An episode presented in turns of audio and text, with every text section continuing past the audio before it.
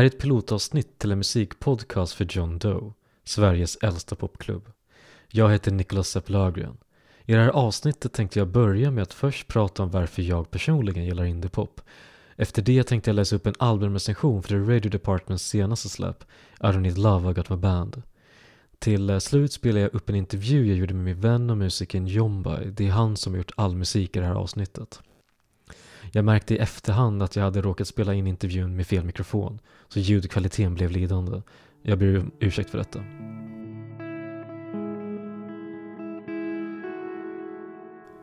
Det vackra och tilltalande med särskilt svensk indiepop tycker jag är dess bitterljuva karaktär. Den sköra ovissheten mellan glädje och sorg, vilket till exempel hörs i Hemliga Klubbens singel Tänk om vi är lyckliga. Äh, som en parentes så kan det nämnas att Hemliga Klubben är signad till Universal Music och kan inte riktigt kallas independent på grund av det.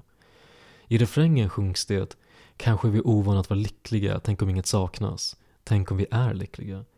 Ja, detta är väldigt relaterbart, skört och ärligt. Vem har inte känt så? När något nytt eller någon ny kom in i ens liv så kan det vara svårt att veta hur man ska känna sig. Och att vara lycklig, är det egentligen så viktigt? Den frågan känns väldigt implicerad i låten, för känslor är mycket mer komplicerade än så. Jag tänker även på MySpace-dängan Tell No One About Tonight av det svenska kortlivade Lilla Sport. Let's Dance but Tell No One About Tonight But It Will Never Last so Tell No One About Tonight sjungs det. Än en gång bitterljuvt, för stunderna man delar i natt glöms lätt bort till morgondagen. Innemusik kan vara maxat eller intimt, övertydligt eller implicit. Men det rymmer många uttryck och det som kanske är mest tilltalande och intressant är när uttrycken som i vanliga fall inte hörs får ta plats. Och kan ta plats, särskilt då när musiken är independent och fri. Den gemenskap som finns i pop tillsammans med den här oberoende friheten har gett oss många låtar, band och genrer som står utanför ramarna i en tradition som präglas av att våga ge oss ny, spännande och intressant musik.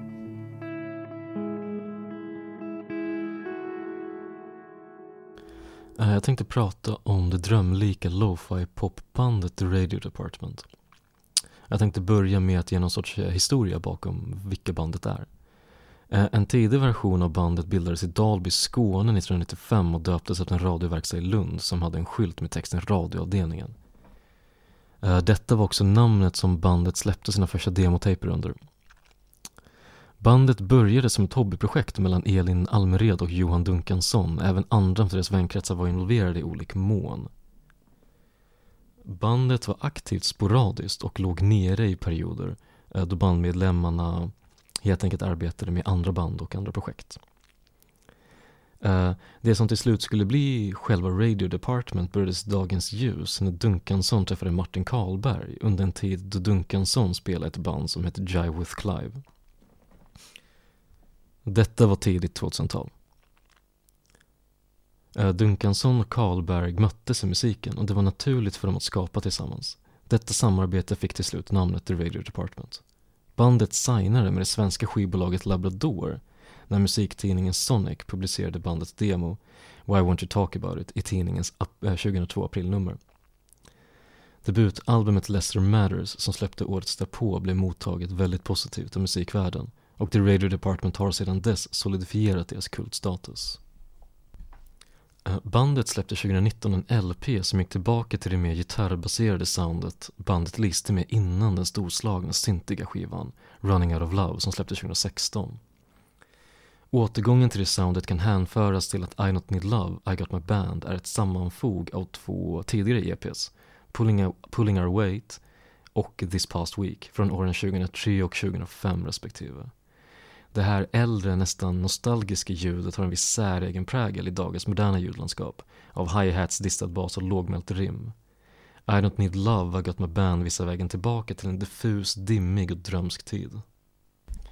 Skivan öppnar med trummaskin som strax glider in och öppnar upp sig till resten av spårets arrangemang. Är på Pulling Our Weight.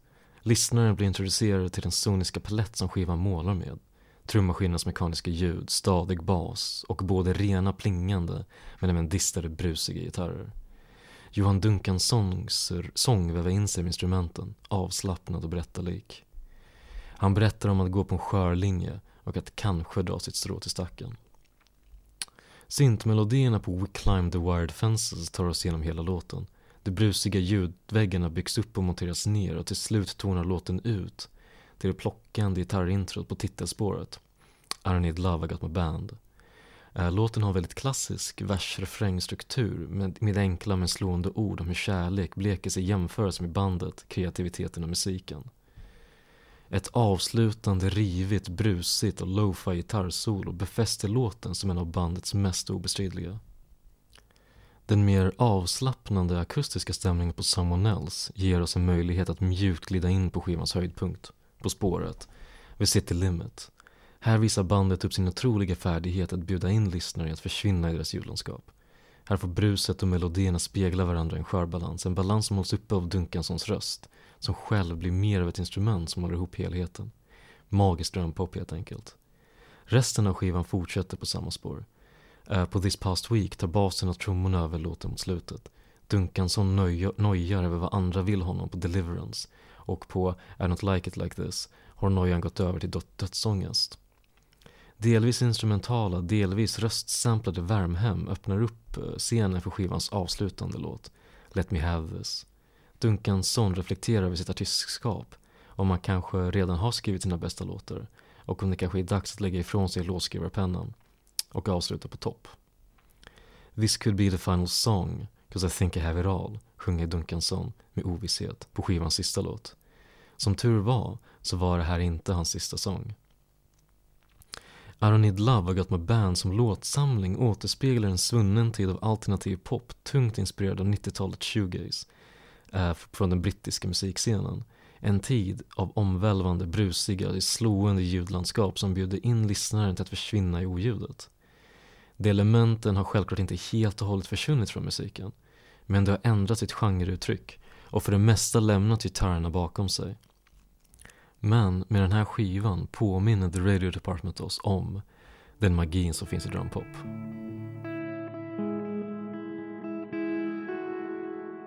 Okej. Okay.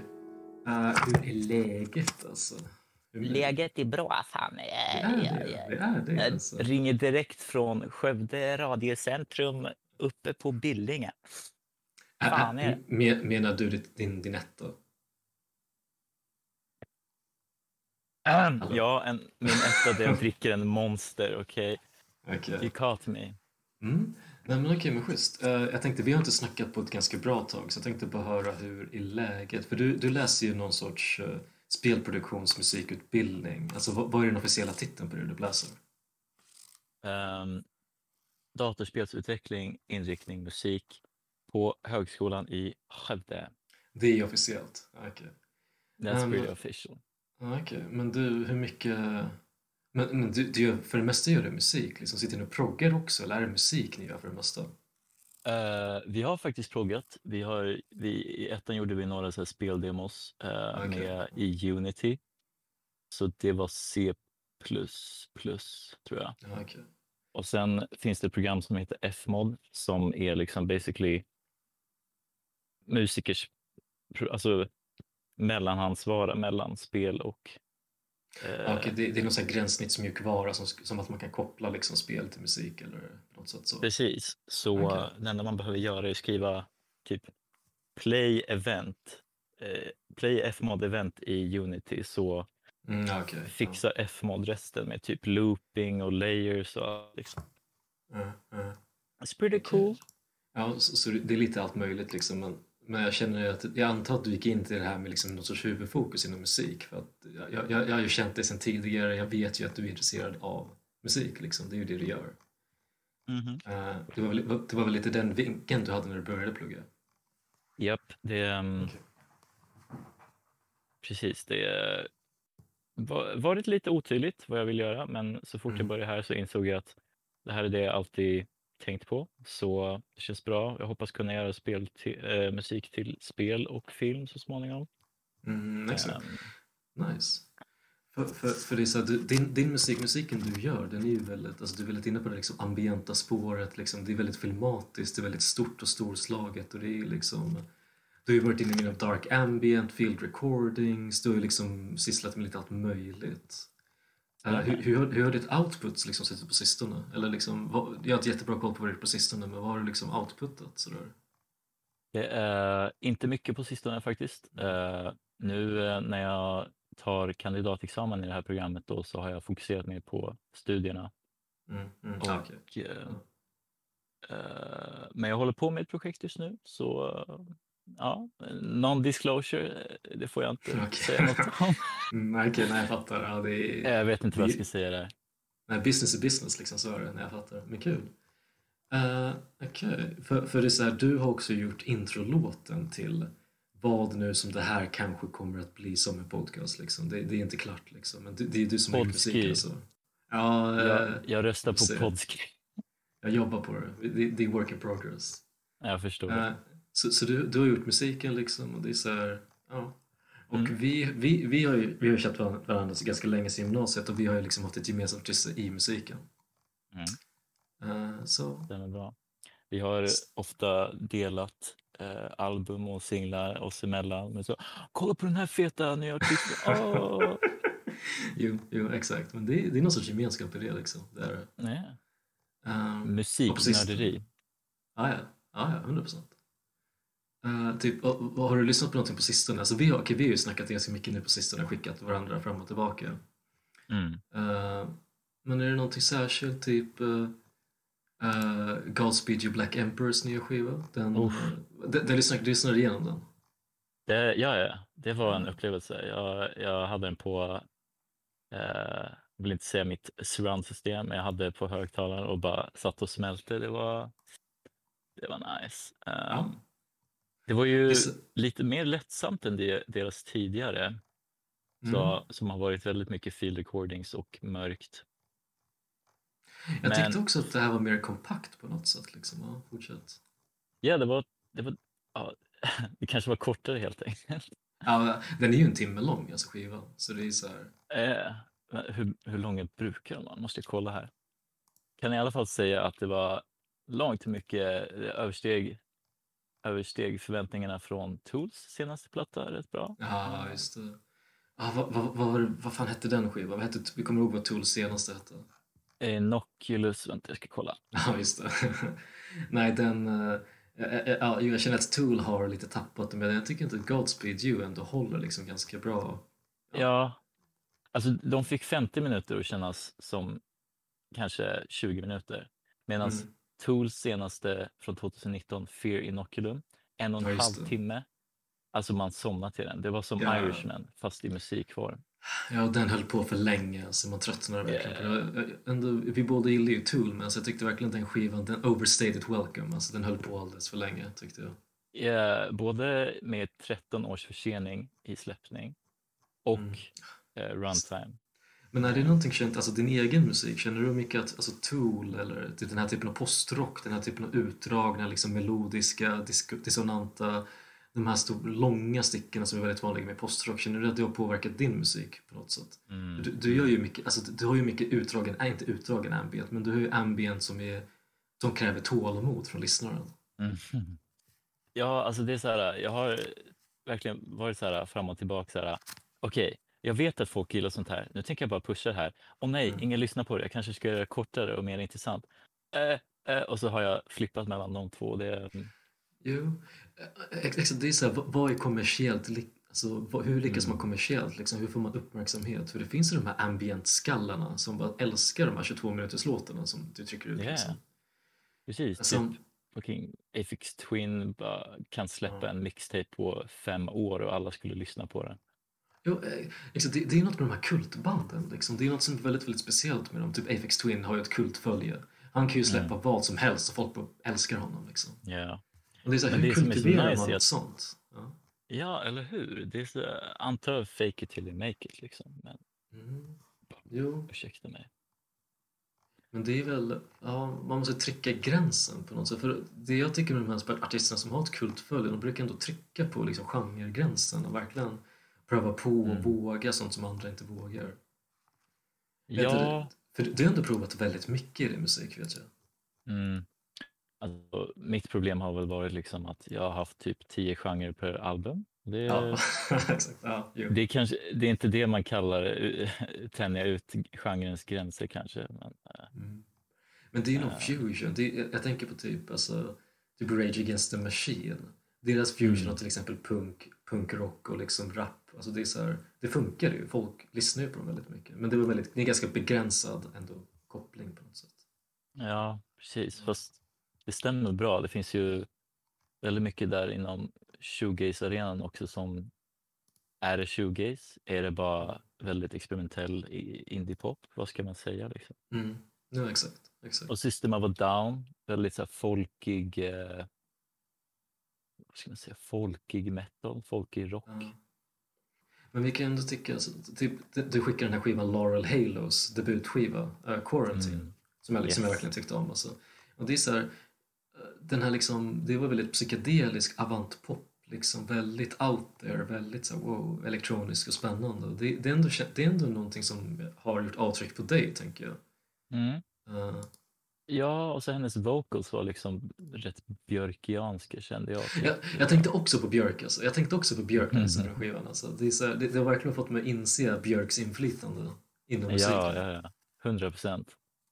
Eh, Mm. Medan hon eh, evolverar till alien, bara så vi, vi är fast här på jorden alltså. Ja, hon, eh, hon är bortom mänskligheten, vad ska man säga? Är, Vi ja. kan inte rädda henne. Nej, hon är, hon, hon är någon helt annan, någon helt ny. Liksom. Det, är väl, det är väl därför folk älskar Björk. Mm. Ja, alltså det är också det, det är mycket jag eh, inspirerats av, just att man, man kan fly från, ja, kanske lite cheesy, men fly från verkligheten med musik. Alltså det, Mm. det är en sorts eskapism. Eh, och det är därför jag har dragits till ambient, för då känns det som man hamnar i en annan värld nästan. Men det är, och det är worldbuilding, eller hur? Mm. Du, du, Ja. du bygger ju världar i musiken. Precis. Det, det kan bara vara så enkelt som att man an- använder field recordings från, jag vet inte, en åker och då kan man Mm. iscensätta en åkrig eh, dimension, eh, vad som helst, som inte ens behöver vara förankrat till jorden. Liksom. Mm. Nej, exakt. Det är, det stora, alltså ljudslandskapen kan ju verkligen inspirera till liksom hela enorma fantasivärldar. Och det, det är ändå Mm. något jag tycker att du är väldigt duktig på. Liksom. Du har ju kört med field recordings och det, och det är ju liksom det här, ditt soundtrack feeling. För det är någonting, Mm. när du gör soundtrack, du bygger ju världar liksom på något sätt. Yeah, det är mm, precis. Det är just, det finns studier som säger att eh, audio och visuellt material förstärker varandras intryck på oss eh, om de arbetar tillsammans. Mm. Och nu kommer jag tyvärr inte ihåg författarna i huvudet, men kanske kan referera till dem senare. Ja. Eh, finns i alla fall en filosof som säger att musik själv inte kan förmedla känslor utan bara uttrycka dem. Mm. Eh, jag tror han hette Peter Kiev. Okej. Uh, kan kolla upp det sen. Ja, men coolt. Ja, och jag, jag kan nog hålla med lite om det. För alltså, han menar att om musiken inte har någon text eller ord i sig så kan den inte få oss till exempel rysa. Eh, Mm. och jag vet inte, jag får utforska med det om det stämmer innan jag Mm. kan säga hundra. Men exakt, det, det, är, det är en filosofisk teori bakom men det är nog ändå någonting som alla som gillar musik har erfarit. Som har känt. Mm. Känt den Ja. känslan liksom. Rent anekdotalt, rent empiriskt. Mm. Precis när man, man läst en riktigt lång bok som man brytt sig om kan man känna sig typ både upprymd och tom efteråt. Mm. En kulturupplevelse. Alltså det är Mm. så här, känslorna som frammanas ur det. Ja. Och mu- musiken är en av de absolut mäktigaste verktygen vi har till det. Sen, man vet inte riktigt varför. Jag tänker att neurokemister sitter och håller på och försöker gissa sig fram varför vi älskar musik så jävla mycket. Men Mm. det är lite av ett mysterium i sig. Alltså om jag, får, om jag får göra så, så jag och min eh, examenspartner skriver om just atonal musik i vår kandidat och eh, vi har gjort litteraturöversikt över forskare som säger att anledningen till att det är så smalt, en smal Mm. kultur det här med atonal musik är att den inte är förutsägbar och Ja. Eh, vi älskar mönster och att kunna förutse saker. Mm. Särskilt i musik som vi aldrig hört förut. Mm. Ehm, Nej, ex exakt. Det är, det är lite som så här, populärmusik brukar följa en formel, liksom för det mesta. Man, Mm. pop- ah, det finns den här liksom stereotypen att populärmusik brukar låta likadant, men det är halvt medvetet. Man vill liksom följa de här väldigt bekväma, vanliga mönstren som man har hört förut. Precis. För det är att lyssna på ibland- atonal musik, ja. Ja, nej, förlåt. Jag tänkte att lyssna på atonal musik, det är ju utmanande på något sätt. Alltså. Det är ju, Mm. då, då, hamnar man ju utanför liksom det som är kanske bekvämt. Och det är inte nog jätte, jättemånga som är intresserade av en sån upplevelse. Nej, precis.